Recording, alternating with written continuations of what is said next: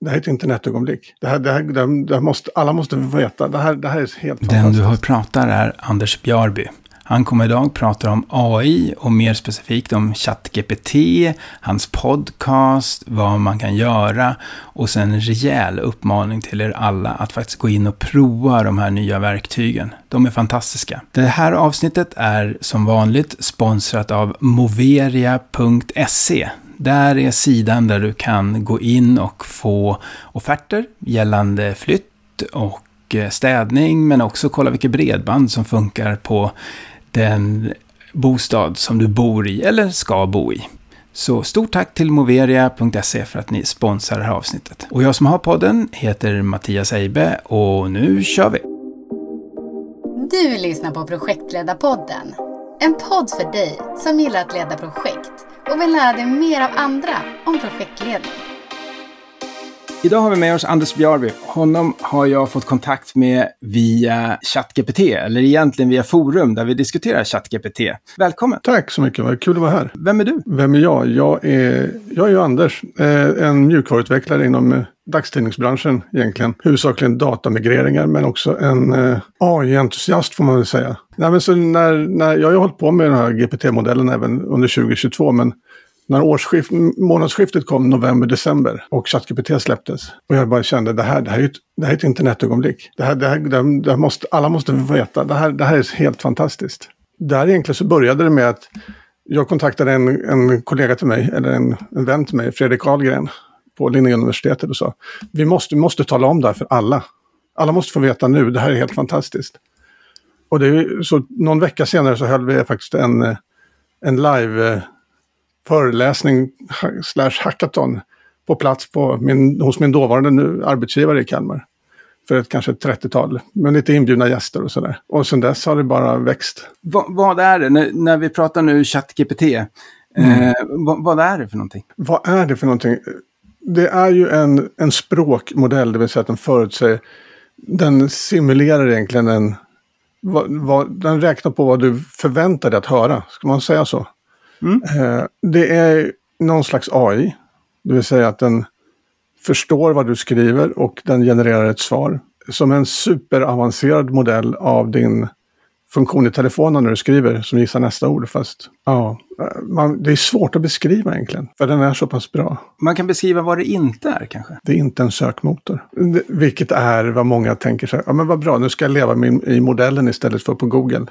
Och då kommer man ju gå på några nitar. Jag hade en favoritgrej jag visade när eh, jag, jag hållit lite föreläsningar om det här. Och då hade jag för, ett favorit, en favoritgrej.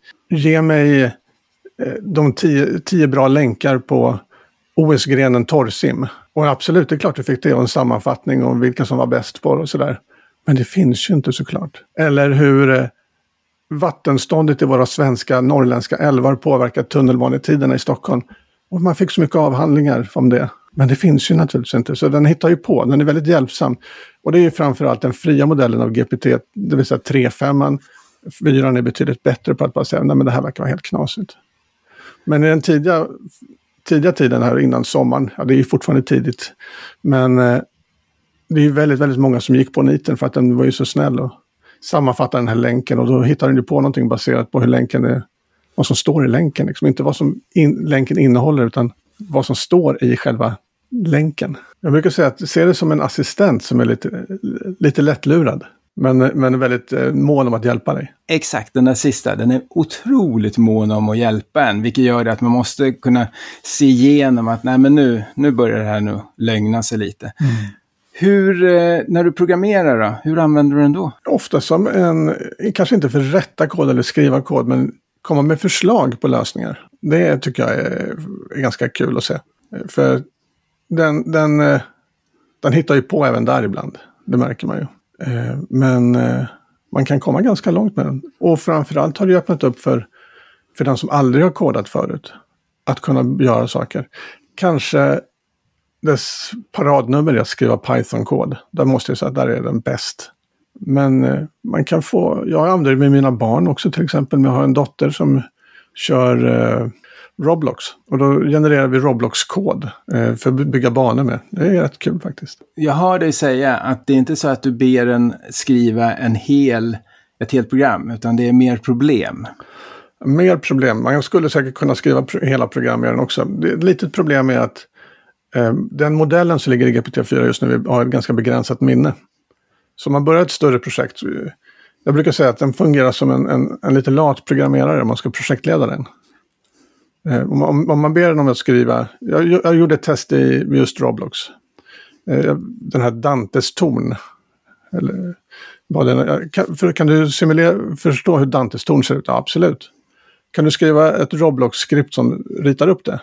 Det är ett väldigt stort projekt, det kan jag inte göra. Ah, okej, okay, men kan du dela upp det i tio delar? Det kan jag göra, här är de tio delarna. Bra, skriv nu del ett. Och så gjorde den det. Och sen kunde man bata igenom de här tio delarna så hade man det färdiga skriptet. Men man måste ligga på lite grann och be den dela upp det. För försöker den göra för stora saker, då tappar den bort sig. Och glömmer bort vad den gjorde i början. Och det är ett typiskt sånt klassiskt fel med folk som skapar något system med en databas, och någon backend och någon frontend. För när den väl kommer till att skriva, först skriver du kanske databasen och när den börjar skriva backenden har den glömt bort hur databasen ser ut. Så den börjar hitta på en egen modell för hur den borde se ut. Vilket säkert är bra, men den har inte någonting att göra med den första databasen den skrev. Och jag ser samma problem, jag använder nu till att skriva artiklar. Mm. Den som jag publicerar. Och då kan jag lära den hur den ska skriva artiklar. Eh, jag har ju ja. låtit den lära sig hur jag skriver. Och sen härmar den mina grammatiska fel och ja, vad jag brukar göra för fel. Och sen skriver den det. Men eh, där måste jag prompta, det vill säga jag måste skriva instruktioner igen lite då och då. För att den ja, ska orka med det och komma ihåg vad var det jag gjorde. Det, det, finns ju större modeller som inte är släppta ännu egentligen.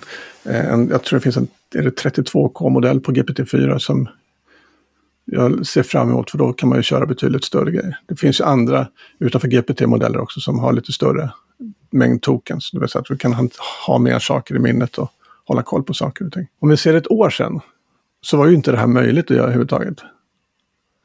Och ett halvår sedan, då började det bli tillgängligt för vem som helst att skriva kod. Jag menar, jag, jag har ju väldigt mycket programmerarvänner som känner att nej, men det här är ingenting och de skriver dålig kod och det, det är mest trams. Och, men ja, men de skriver jättebra kod mot vad vi, vad vi hade för ett halvår sedan. Så vad är vi om ett halvår, eller om ett år, eller om två år? jag tror inte man ska vara sådär väldigt säker på att det här kommer gå neråt. Snarare att den blir mycket, mycket, mycket bättre på allting den gör.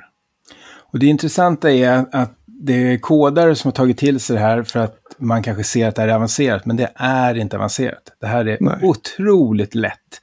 Och där man kanske skulle ha mest hjälp av den. Jag har provat till exempel med kravspesar. Och så har jag sagt åt den att här har du lite krav. Eh, vilka krav saknar jag? Mm. Det går hur bra som helst. Mycket, mycket bra. Eh, formulera om de här kraven så att de blir likartade allihopa. Eh, det har den ju inga problem alls. Det är det den är gjord för. Den... Eh... Ja ja, men det är fantastiskt. Jag vet en, eh, en poddkollega till mig eh, från den podden jag annars deltar i. Eh, han höll en föreläsning på en mäklarfirma. Eh, de tog en, en, en, ett prospekt och så bad han generera annonser. Generera annonser för fyra olika målgrupper. Och sen kan vi göra någonting bättre. Ja, absolut. Jag föreslår att du, eftersom stugor i Småland är väldigt populära för tyskar, så här har du en annons och ett prospekt på tyska. Här är en text om, för tyskar, vad som gäller rent rättsligt att köpa en bostad i Sverige. Och du bör marknadsföra den här på måndagar vid 16-tiden, för då är småbarnsfamiljerna mest tillgängliga på sociala medier. Nå någonting i den stilen. Och alla hakor var nere vid knäna på den här mäklarfirman. Jag förstår. Och jag tror det finns så många att upptäcka det här. Det är därför jag gör den här specialpodden med dig nu. Mm. För att jag skulle vilja liksom, att alla går in och testar. Många kanske har gjort det och bara tycker att ja, men det här är en leksak. Men det är ingen leksak. Ja, och sen tror jag att många testade den precis när den kom. För den, den har ju blivit mycket, mycket bättre. Mm. Den tränas ju och, och lär sig och förbättras hela tiden. Så att när man testade den där runt jul så tyckte alla att ja, vi skriver en liten dikt eller en rolig historia eller någonting. Mm. Och sen var man klar. Och så har man liksom gjort sin utvärdering. Men man ska nog titta lite nu också och kanske allt du gör i jobbet som har med text att göra. Testa. Du ska inte kanske trycka in företagshemligheter, för det är en dålig idé. Så det du skriver in som träningsdata, om du använder den fria versionen av ChatGPT. Har du betalversionen så säger de att de inte sparar eh, din, din data som träningsdata. Men testa, testa saker bara för att se. Ska du översätta ett brev till tyska, men testa. Så får du en känsla för det. När man testar då, så finns det lite det här med prompten, brukar man prata om. Mm. Vad är det och hur ska man tänka där? Prompten är textfält. Skriv som du hade formulerat det till en kollega. Det spelar ingen roll om du skriver stavfel, taskig grammatik. Det, det går bra ändå. Det går att göra jätteavancerade saker med prompten. Men det mesta fattar den. Vill du skriva på, på slang, gör det. Det, alltså det, det är inte så illa. Så den förstår egentligen det mesta. Hur ska man tänka det här med när ska man öppna en ny chatt och när ska man behålla den gamla chatten? Alltså man kan ju tänka så här att chatten är, kommer ihåg de sista, vad är det, kan det vara, 15 000 tecken du skrev. Så det, den tänker att det är det ni resonerar kring just nu. Så om du plötsligt byter ämne så kan den kanske få för sig att plocka med lite av det du hade med förut. Eh, så då, då kan man bra ha en ny, en ny chatt. Nu byter vi ämne, nu gör vi någonting nytt här. Det jag brukar uppmana folk det är att när de inte vet så fråga ChatGPT. Hur ska jag göra det här? Exakt, precis som du hade gjort med en kollega.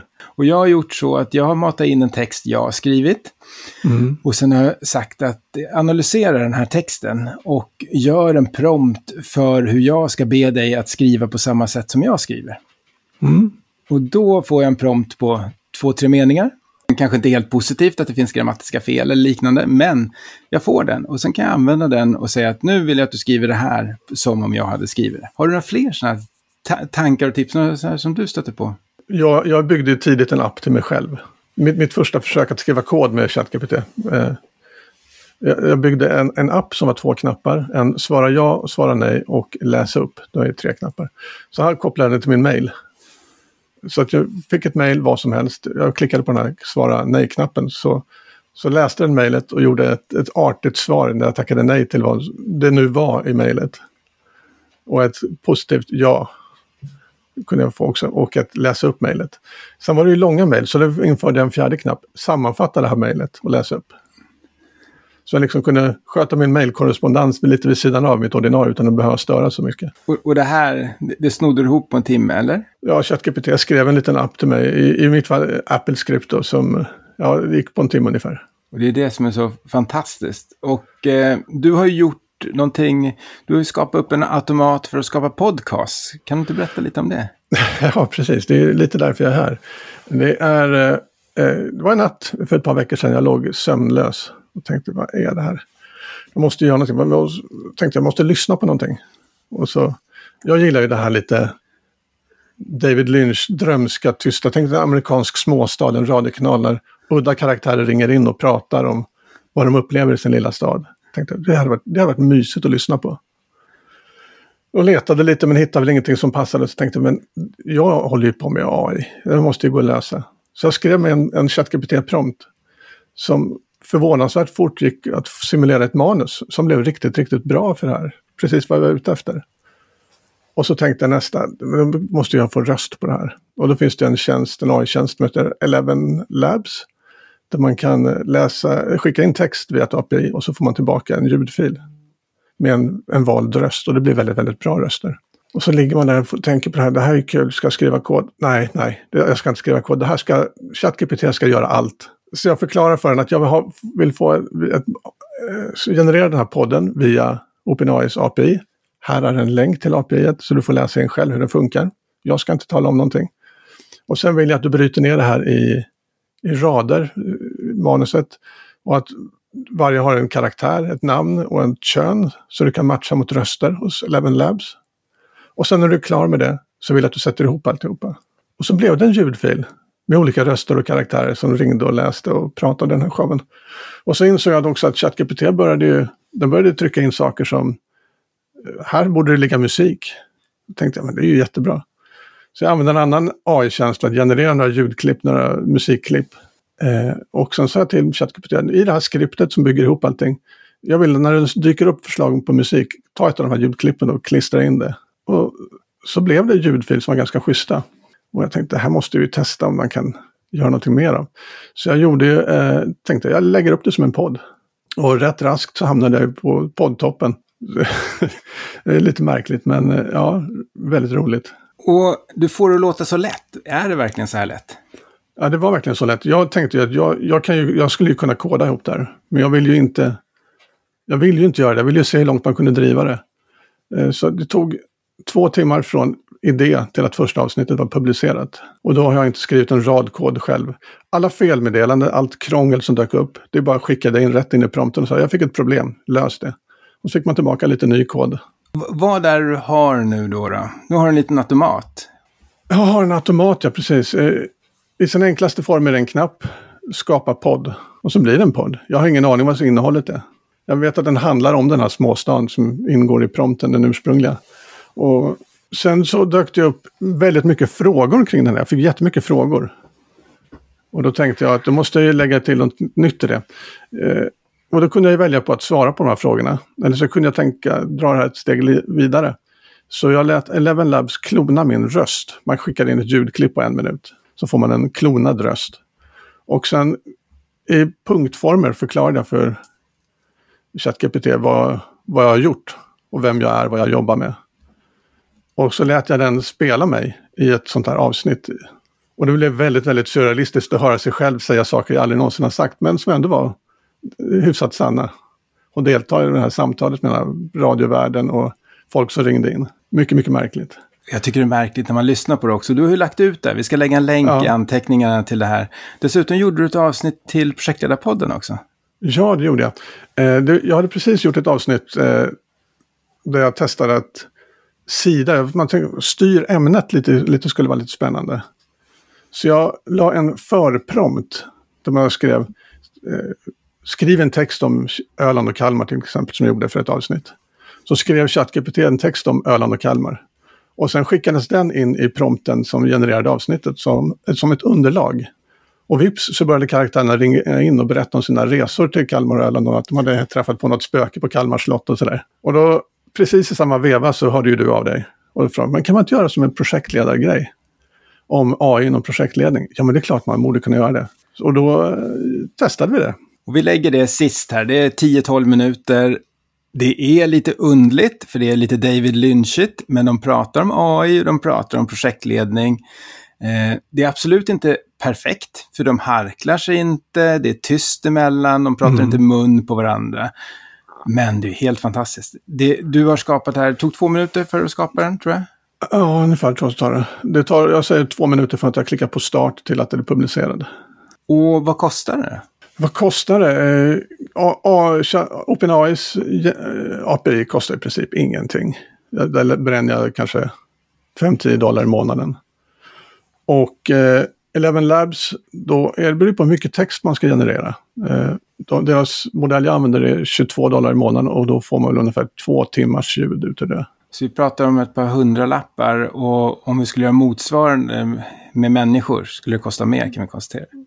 Ja, jag, jag tar mer ofta än, än någon hundring i timmen. och eh, du hamnade som nummer sex eller något liknande på drama i Sverige. Ja, till och med nummer fem igår. Nummer fem, ja. ja det, inte det är folk som lyssnar på det. Ja, folk från hela världen lyssnar på det. det är mycket märkligt. Men nummer sex var jag på, på dram, eh, poddtoppen, eh, kategorin drama efter inom mindre än 48 timmar. Det är nästan förolämpande mot alla som jobbar hårt med sina poddar. Och vad har du för planer nu då? Har du skapat andra världar eller? Uh, ja, jag har flera idéer. Jag har infört, som jag faktiskt hade kört första gången nu eh, på, på, på ditt exempel här. Eh, att jag har en efterprompt.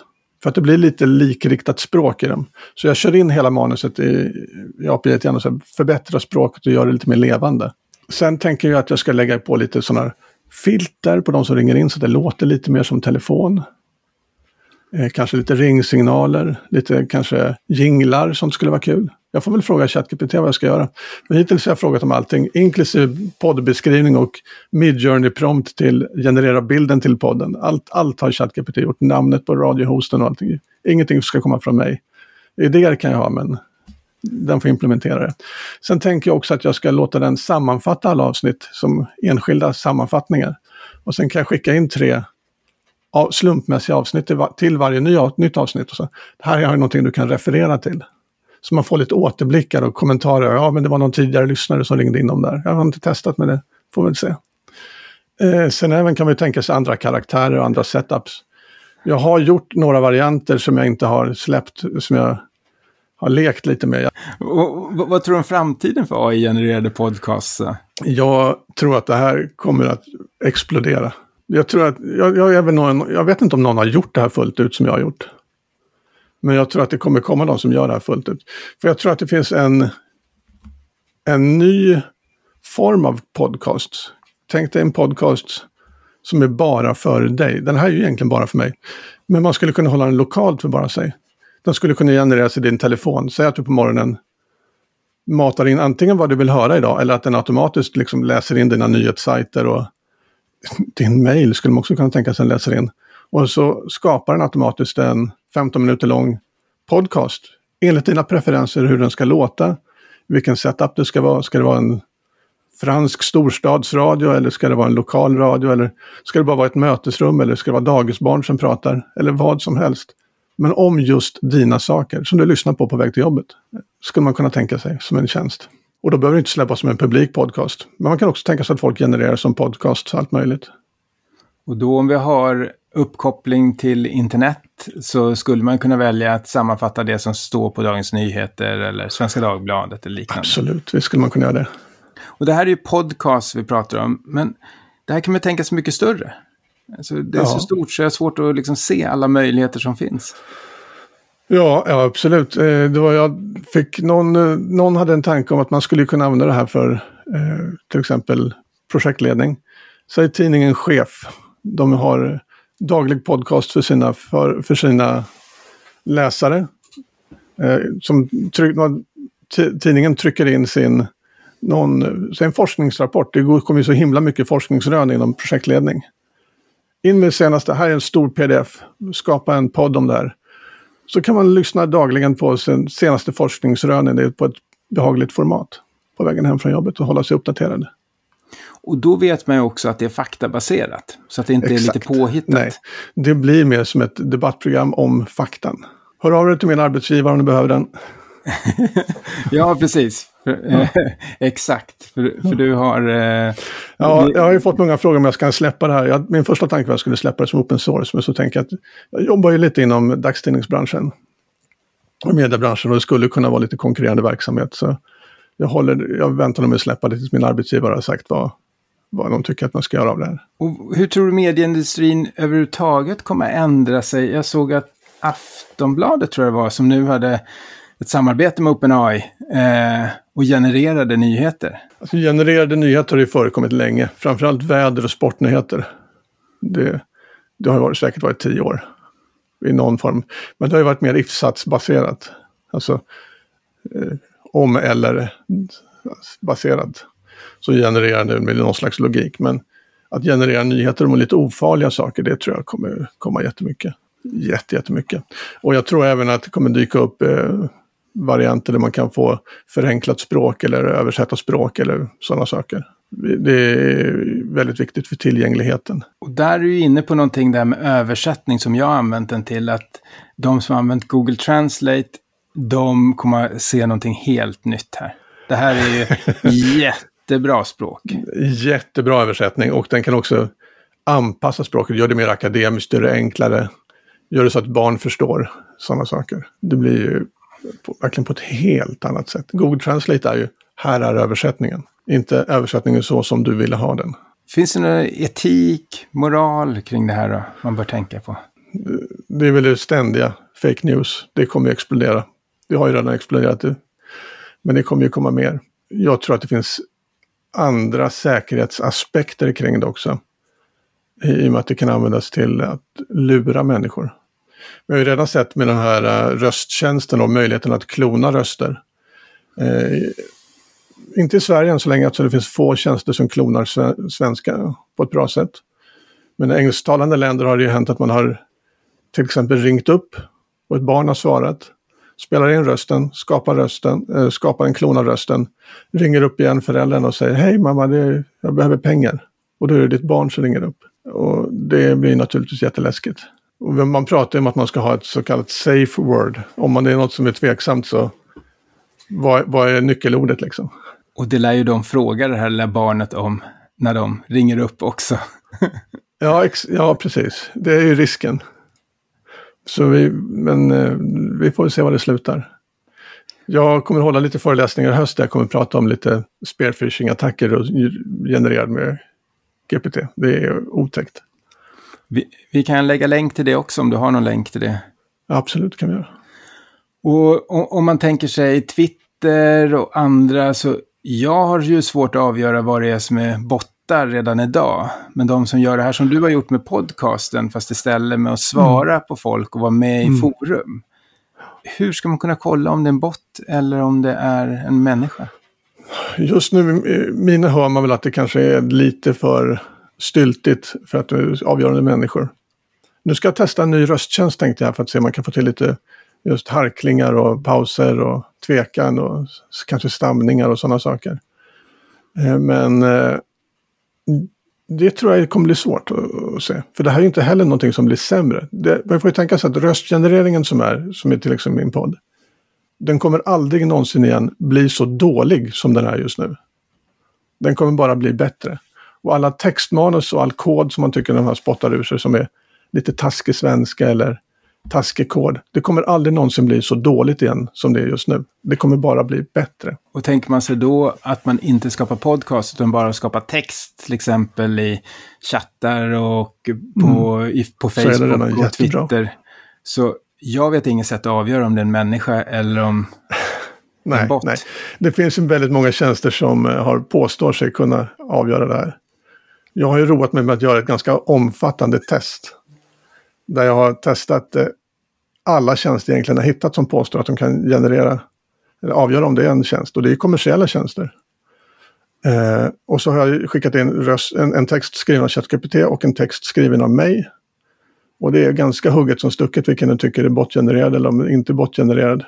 Så sammanfattningsvis kan man säga att det finns ingen tjänst, inte ens tillsammans med andra tjänster, som kan avgöra om en text är skriven av en människa eller av en bot. Oavsett om hur träffsäkra de påstår sig, påstår sig att vara. Jag tycker ditt test var väldigt gediget och framför allt eftersom du också hade skrivit din egen text och man såg att den sa Flera av de här sa ju att den var botgenererad och någon sa ju till och med att hälften var botgenererat. Ja, precis. Det är, eh, det är otäckt att tänka sig till exempel eh, universitet som använder de här tjänsterna för att kontrollera om någon har skrivit sin uppsats eller inte. Det blir ju mer som en lögndetektortest. Det vill säga som inte funkar, folk... precis. Ja. Och, det, och det är väl inte så farligt om den tar fel på en botgenererad text. Men det är illa om den tar fel på en som du faktiskt har gjort själv. Om inte jag missminner mig var det mer än hälften som trodde att din text var botgenererad. Jo, det är riktigt. Det stämmer. Och om man går tillbaka, vilka, vilka är de största misstagen som folk gör när de försöker använda ChatGPT eller AI generellt?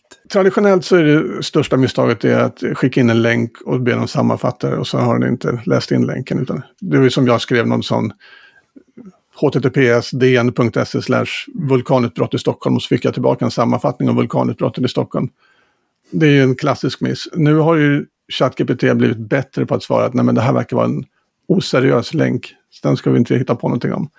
Men det är det klassiska missen. Eh, men sen är det ju, ja, slå upp fakta. Det är ju risk. Det är alltid en risk. Som man kanske ska undvika. Och jag förvånas fortfarande att folk gör det. Men samtidigt är det ju, jag får ju inse att jag var ju väldigt, väldigt tidig på bollen. Och lekte med det här. Eh, och det finns ju fortfarande människor som inte har testat det. Men det ska man säga också att viss fakta är ju korrekt. Jag har fått vetenskapliga artiklar och ja, liknande absolut. sammanställningar och liknande. Man kan inte lita på det. Nej, nej. Nej, nej, det, det, visst, den spottades en blandning av fakta och fiktion. Men då återigen det här vi pratade om att det inte är en sökmotor.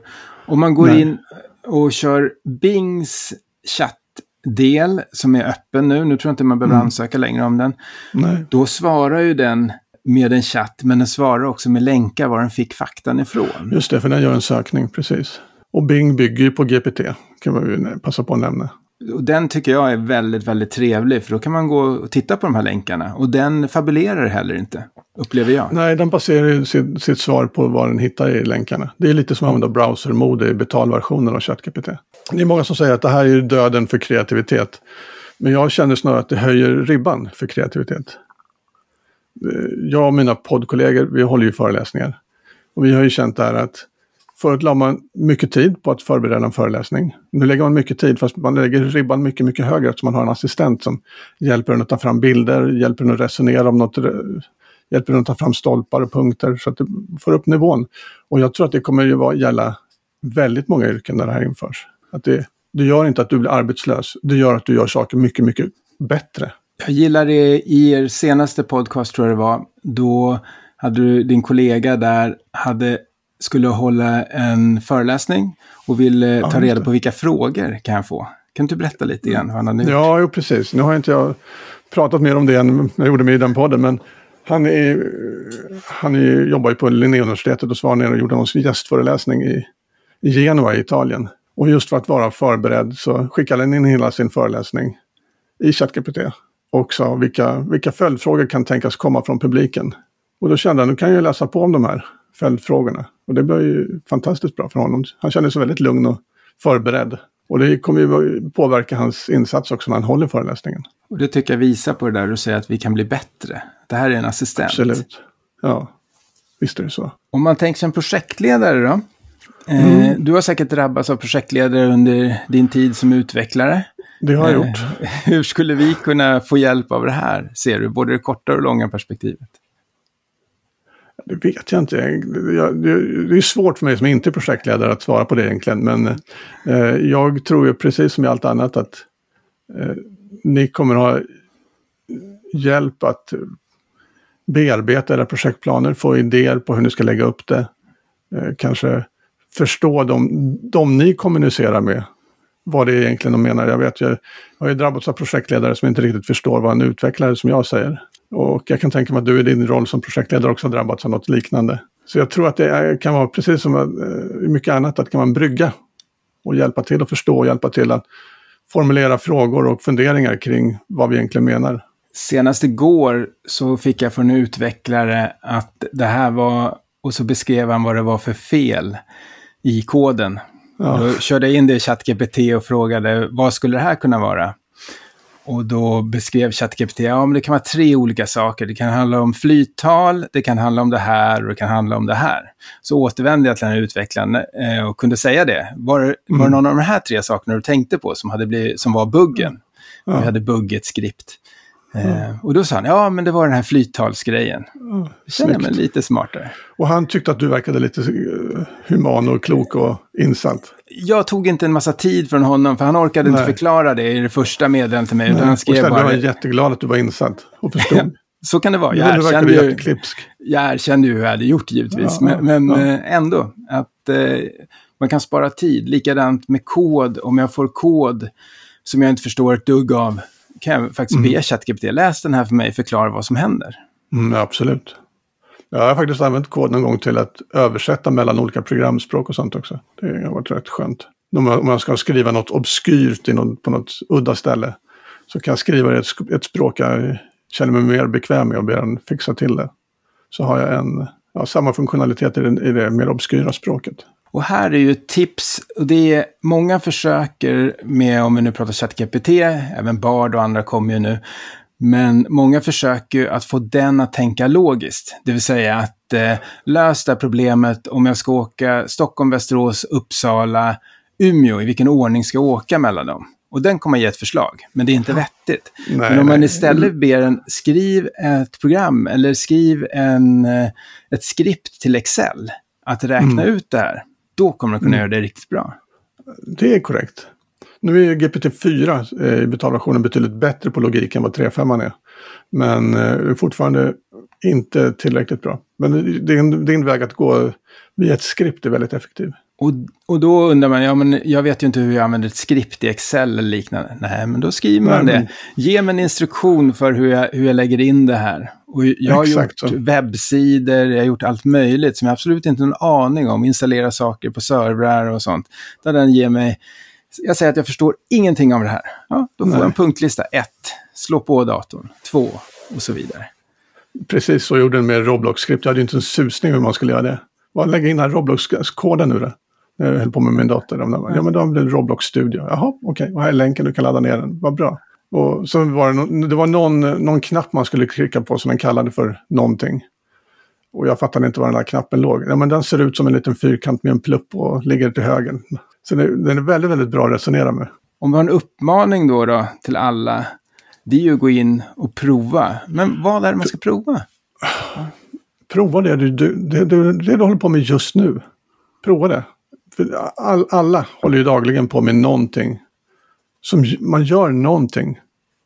Formulera det du gör just nu och be den ge dig lite åter, in, sin syn på det du håller på med. Det kan man göra om man inte vet vad man ska göra överhuvudtaget. Om du vet vad du håller på med så kan du trycka in det, liksom, översätta den här texten eller skicka det här mejlet eller resonera kring det här problemet. Jag hade en sån liten favoritprompt, eller jag har en favoritprompt som jag brukar köra på måndagmorgnar när jag sitter på jobbet. Man vet ungefär vad man ska göra i veckan.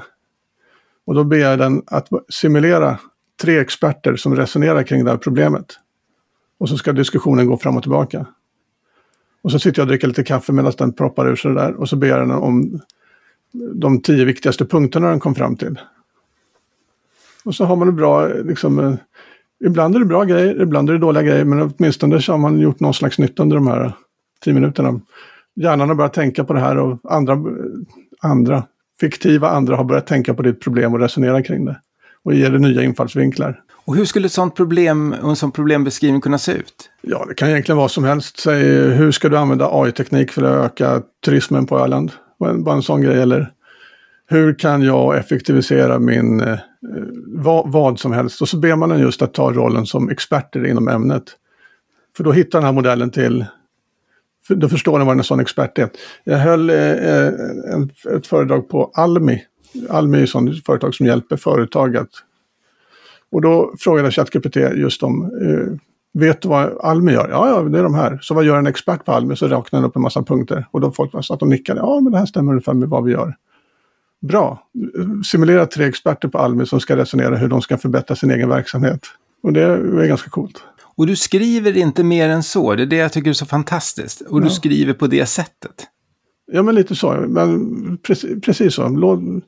Gör den inte exakt som du säger, men förtydliga för den. För det är ju det om, om du skriver en prompt och så får du ett svar och du känner att det här var inte riktigt som jag gjorde. då behöver man inte gå tillbaka och editera den prompten. Då man säger nej men det var inte så jag tänkte mig. Jag tänkte att du skulle, resonemanget skulle gå fram och tillbaka och komma fram till något vettigt. Ja, ja, säger den och så fortsätter den. Precis som du hade pratat med en kollega. Du liksom nollställer ju inte samtalet utan du fortsätter samtalet. Och sen finns det en massa tips och tricks förstås. Eh, skillnaden mellan 3,5 och 4, det vill säga betalversionen. Eh, den stannar ibland när den ska skriva långa saker. Ja, precis. Nu har det ju dykt upp den här continue-knappen tack, tack och lov. Förut behövde man ju skriva fortsätt när den stannade. Nu kan man trycka på en knapp. Det är någonting vi kommer att tala om för våra barn. Vi behövde tala om för AI att det skulle fortsätta. Ja. Och skillnaden mellan 3,5 och 4 när det gäller vissa saker är väldigt liten skillnad. När det gäller andra saker så är det väldigt stor skillnad. Den här fyran som vi pratar om, den är en betalversion. Jag tror den mm. kostar 260 kronor eller någonting. Ja, 20 dollar i månaden tror jag. Ja. Och det, och det är lätt att både slå av och på den. Så att jag rekommenderar att faktiskt gå in och prova en månad. Det är en väldigt liten kostnad för att prova. Det, om det sen är bara för att du ska titta vad du har i kylen, vilka recept kan jag göra med det jag har i kylen. Så då ja. kanske man har sparat ihop pengarna. Jag, jag tänker att i, i ditt arbete, att ha en en heltidsassistent dygnet runt som faktiskt gör ett hyfsat vettigt jobb. För 200 spänn i månaden. Det är en no-brainer. Men här kommer ju till det här med säkerheten. Vad vågar jag lägga in och vad, vad får ja, jag inte lägga in? Absolut, inga företagshemligheter. Men det är inte, du, allting du gör hela tiden är inte företagshemligheter. Det är mycket andra uppgifter man gör också. Men som till exempel det här som du beskrev med mejlen, då måste jag koppla ihop den på något sätt. Ja, i, i, precis. I, i min, min mail-app då skickade jag via deras API, det vill säga att den tog texten i mitt mail och så skickade den via programkod till OpenAIs API och så får jag tillbaka ett svar. Mm. Eh, det är korrekt. Och det kanske man inte vill göra, men om man bara nu, klick, nu har de, det, det vill man inte göra, för, kanske framförallt av GDPR själv. Nu, nu säger OpenAI att det som går via API inte heller lagras som träningsdata. Så det är det försvinner efter där. Men av olika skäl så kanske man ska undvika det ändå. Absolut. Men eh, om, man, om man själv klistrar in saker, då har man kontroll på vad det är man skickar in. Det har man absolut. Eh, finns det någonting du känner att vi har missat att prata om här? Ja, man, alla tänker ju ChatGPT när man pratar AI idag. Men det finns ju så mycket annat spännande kring också som jag tycker att det är värt att titta på. Vi har ju röstgenereringen. Vi har ju berört lite snabbt musikgenerering som jag tror kommer att bli jättestort. Jag är lite förvånad att företag som till exempel Spotify som har hur mycket data som helst och eh, både metadata och musikalisk data inte har byggt en modell och släppt men det kanske är musikbranschen är lite konservativ med upphovsrätt och sådär så det är kanske det som är, jag tror nog att de gör det internt. Jag tror att du kan titta på ägarlistan till Spotify och hitta svaret där. Ja, ja förmodligen. Eh, jag, jag, kan tänka mig att det byggs sådana modeller inom bolag för att vara beredda när det är dags. Och jag tror att folk kommer att göra det. Bilder, jättestort. Bildgenerering är ju fantastiskt spännande att testa. Antingen via Bings variant eller via Midjourney som är min favorit. Testa tycker jag, för det är helt fantastiskt. Och när du säger att det är helt fantastiskt så gick jag in där och sen eh, sa jag att den skulle skapa upp en projektledare då givetvis. Och sen mm. fick den sex fingrar. Mm, fingrar är den riktigt dålig på än så länge. och, och då hamnade mitt fokus på fingrarna förstås. Men ja. däremot så ja. var det att göra en projektledarrobot. Och ja. då blev den fantastiskt bra. Ja, precis. Jag brukar köra just roboten när jag håller föreläsningar också, för att då blir det könsneutralt. Men fingrar, var, varje gång Midjourney säger att de har släppt någon ny version, så in och generera hands in the air. Så, mm, fortfarande aliens här. För det har sex fingrar och tre fingrar som sticker upp. Och ofta så människor som syns i bakgrunden får väldigt konstiga ansikten när man förstorar upp dem av någon mm. anledning. Mm. Ja, just det. Men det har vi sett också. De har, det är värt att nämna att Apple har ju, eller Apple, men Adobe har ju lagt in den här funktionen i Photoshop nu också. Som är fantastiskt cool. Markera någonting och så ta bort eller lägg till eller förändra eller utöka. Kan man skriva i Adobe vad den ska göra? Ja, precis. Du gör, du gör en markering i, i, Photoshop i Adobe. Och så skriver du den här, här vill jag ha en zebra. Och så blev det en zebra där. Så får man tre förslag på zebror man kan lägga in. Eller om man, man har en liten bild och så vill man att den ska... Jag hade till exempel till min podd, eh, jag har jag någon bild på en stuga. Men så var det något ställe där de ville, vill ha en bild som var wide, något sånt 16.9 format. Så in i Photoshop och så man gjorde bilden, ytan till 16.9 men då var det ju tomt på sidorna. Så jag gjorde en ruta och sa utöka. Och så blev det lite mer skog på sidorna om den där stugan. Som föll in väldigt, väldigt väl i övrigt i bilden. Och det är ju sånt där som har varit historiskt sett ett ganska dyrt och jobbigt jobb att anlita en grafiker för. Men nu är det på plats.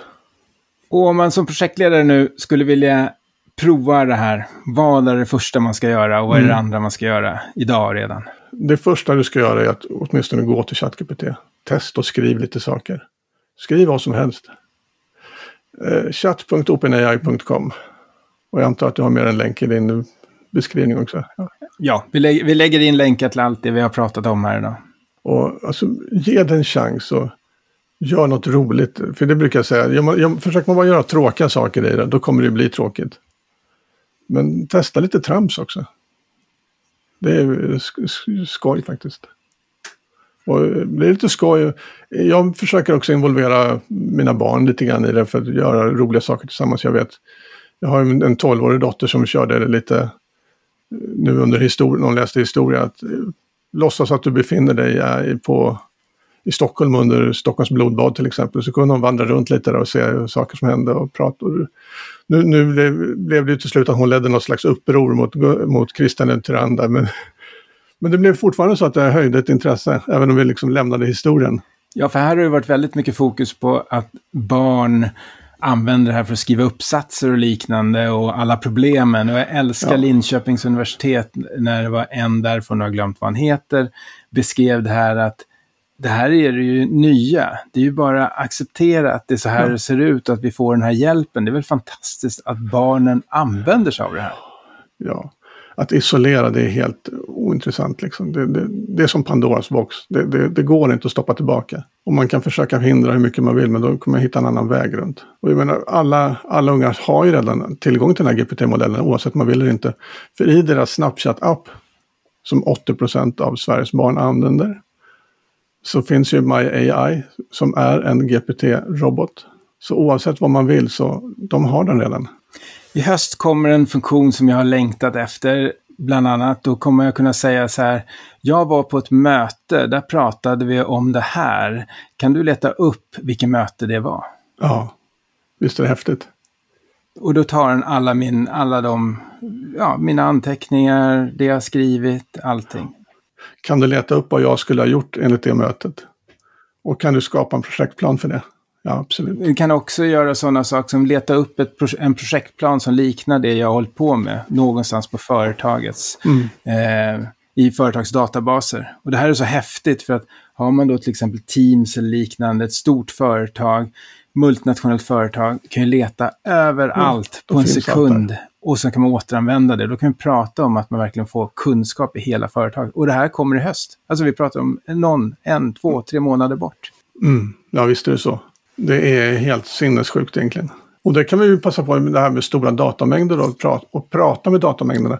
Tycker man ska nämna tjänster som eh, ChatPDF till exempel. Eller nu kommer ju den funktionen med Code Interpreter i ChatGPT också. Du kan ta en stor pdf, till exempel en forskningsrapport, en sån här tung historia som är knepig engelska och lång och tjock och liten text och eländig. Tryck in den och så kan du prata med den. Du kan prata med den på svenska helt plötsligt. Vad är de viktigaste sakerna som stod i den här?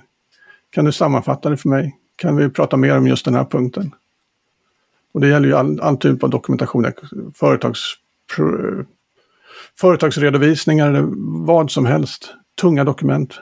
Och jag ser mest fram emot, eftersom jag håller på mycket med webben och liknande, att kunna mata in hur folk använder en sajt. Och all den datan som finns där, mm. som man, den finns där, men jag kan inte använda den. Och bara säga så här, okej.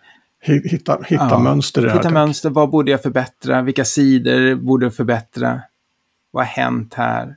Där kan man nämna tjänsten Notion, som jag vet många använder. Där man kan ta väldigt massiva datafiler och trycka upp och låta ett AI analysera. Ja, den känner jag inte till. Jag har inte använt nej. den själv. Nej, nej inte, jag använder den inte själv, men jag har ju mina poddkollegor som är inom skolvärlden och forskningsvärlden som kör det rätt mycket tydligen.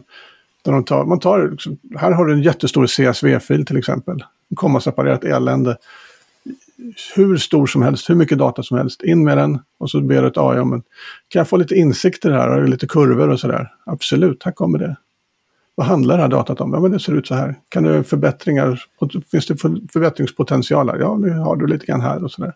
Supercool tjänst. Eh, jag brukar alltid ställa en fråga om eh, de jag intervjuar har gjort något misstag någon gång i ett projekt eller liknande som de vill dela med sig av och som andra kan lära sig av. Du har inte fått någon förberedelse, du har inte vetat om den här frågan innan, men du kanske vet om några misstag du har gjort som Nej. du vill dela med dig av, som någon annan slipper så, göra. Min, min, min viktigaste insikt som gäller alla, se till att du har en backup. det har helt enkelt hänt. det, det har hänt. Jättebra. Och kontrollera att backupen fungerar kan jag också lägga till. Återläsningstestet ska göras. Jättebra. Mm. Jag hade ett mardrömsprojekt nämligen en gång i tiden, nu är det länge sedan som tack och lov. Där ett projekt blev överskrivet och skulle läsa in backupen där alla filer visade sig vara noll bytes. Det var stressigt. Oj. Stort tack Anders Bjärby för att du har varit med idag. Jag hoppas att det här kan inspirera alla projektledare som lyssnar på det här att faktiskt gå in och prova OpenAI eller någon annan AI-tjänst. Det här är fantastiskt. Det är framtiden. Alla måste in och prova det här. Stort tack för att du tog tiden att vara med. Tack själv. Men avsnittet är inte riktigt klart än. För nu kommer den podcast som Anders har genererat via sitt två minuters verktyg. Det är lite speciellt, men orkar ni lyssna igenom så hör ni i alla fall vad som går att göra. Det är som sagt, det blir bara bättre och bättre. Men det är ändå intressant att höra och tänk på att allt det här är autogenererat. Ingenting är gjort av en människa. Alla röster, allting som sägs, allting är bara AI-genererat med olika verktyg. Mycket nöje!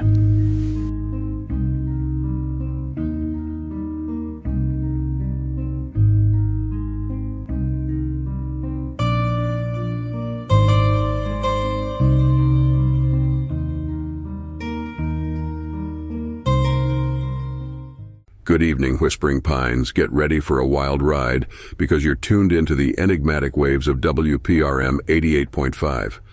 I'm Dante Emberwood, your guide into the dark and dreamy, where the oddities and mysteries reign supreme. Tonight, we're plunging headfirst into the depths of artificial intelligence and its integration into project management.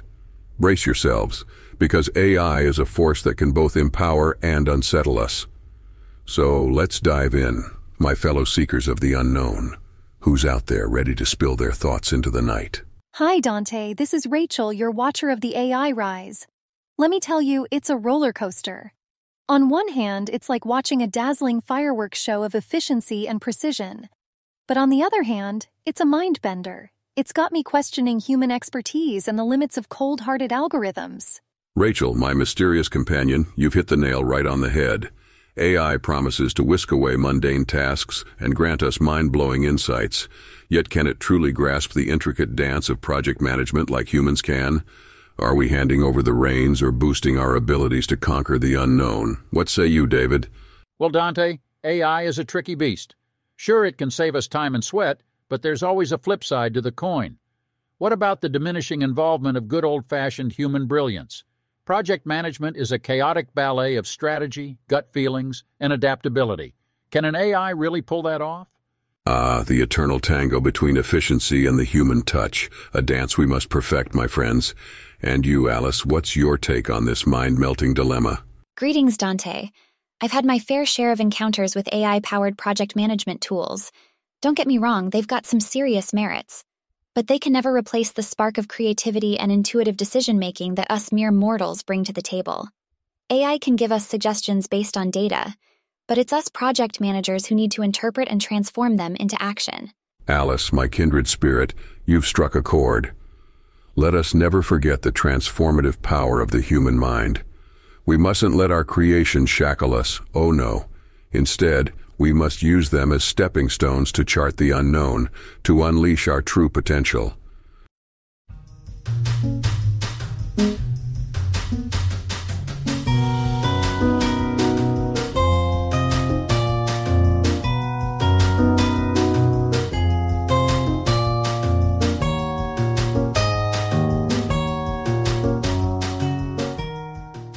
Hold on tight, dear listeners, for we have a courageous caller on the line who's daring to join us on air. Yo, it's Thomas.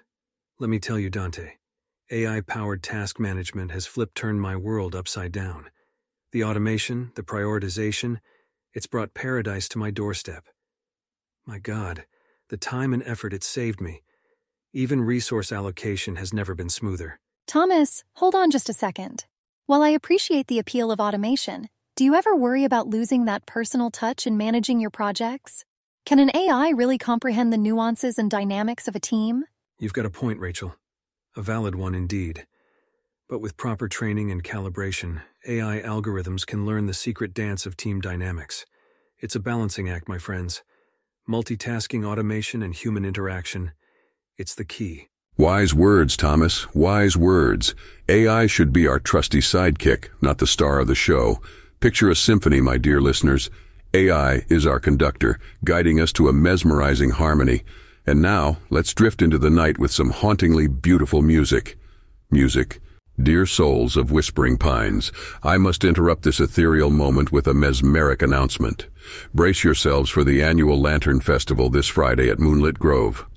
Prepare for a night of enchantment and illumination that will set your hearts ablaze. Don't you dare miss this breathtaking event celebrating the magic within each and every one of us.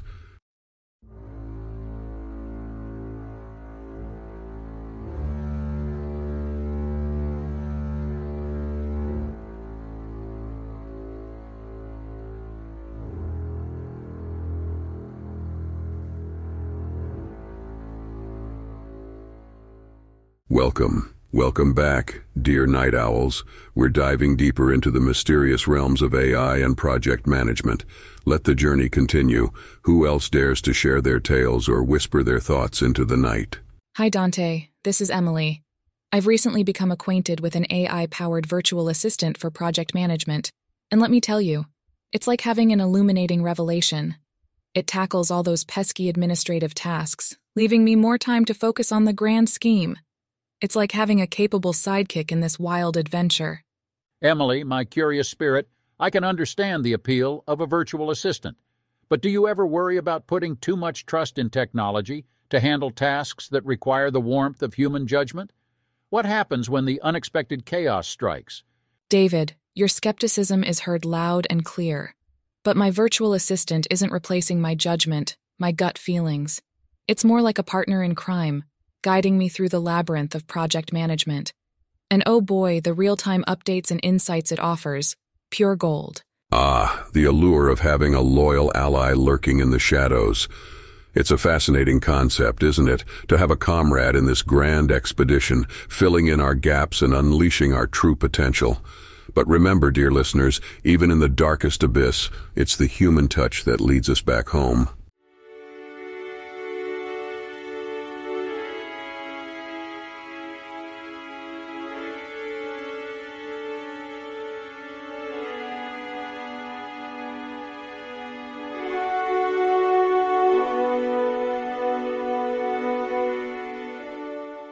It seems we have another daring caller eager to share their enigma. Who's gracing us with their presence tonight? Hi, Dante. This is Daniel, your explorer of AI for risk management. Let me tell you, it's been a whirlwind of discovery. AI powered natural language processing has become my secret weapon. It can analyze the hidden corners of project documents, emails, and chat conversations, unearthing invaluable insights and spotting potential dangers.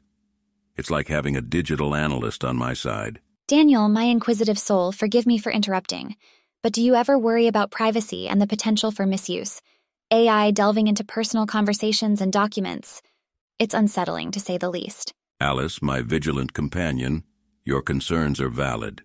We must tread carefully and handle data with utmost responsibility. But with the right safeguards and ethical considerations, AI can uncover hidden patterns and insights that set us up for success. It's all about responsible implementation, my friend. Indeed, Daniel, indeed. Ethics and responsibility, the ever-guiding beacons in this mysterious landscape. We must traverse this path with caution, ensuring our creations never become the shadowy figures that haunt our dreams. My dear Whispering Pines, before we plunge further into the depths of the night, I must bring an important announcement to your eager ears. The annual Ghost Story Contest is now open. Unleash your creativity and share your haunting tales of our beloved town for a chance to win an otherworldly weekend getaway. Let your imagination run wild, my friends, for in this town, truth and fiction engage in a delicate waltz.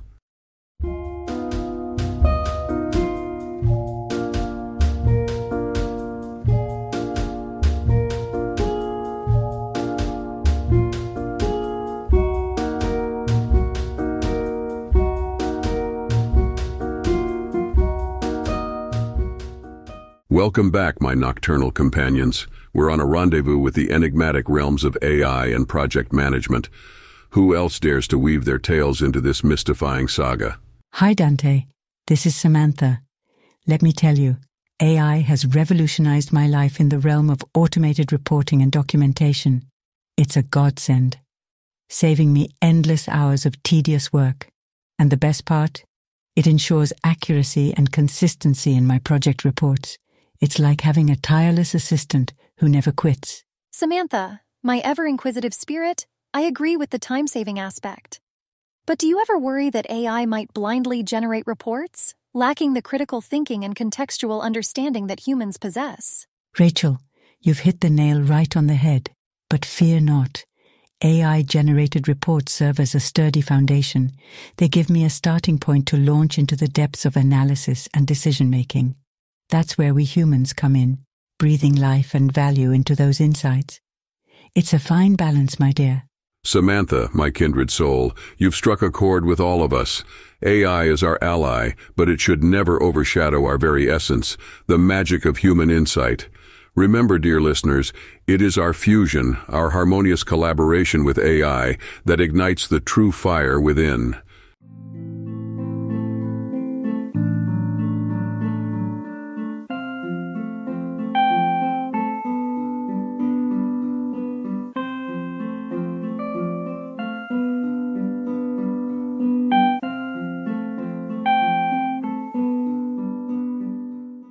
We We have time for one more enigma, one more tale before we part ways tonight.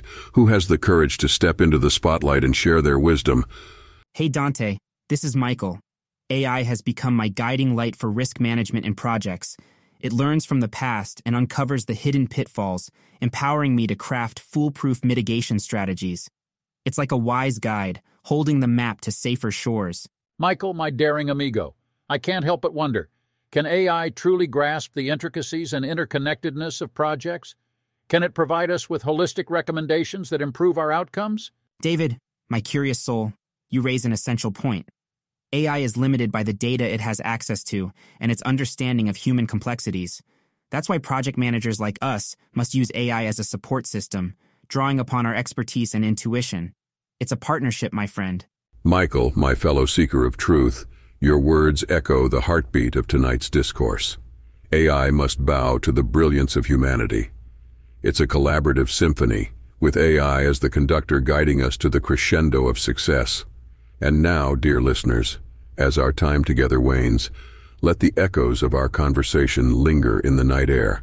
Join me again next week as we dive into another enigmatic enigma that haunts this town. Until then, good night, Whispering Pines. Tack för att du har lyssnat på Projektledarpodden. Hör gärna av dig till oss med idéer, tips och förbättringsförslag. Det gör du enklast via mejl på lyssnare projektledarpodden.se eller vid det sociala nätverk du föredrar.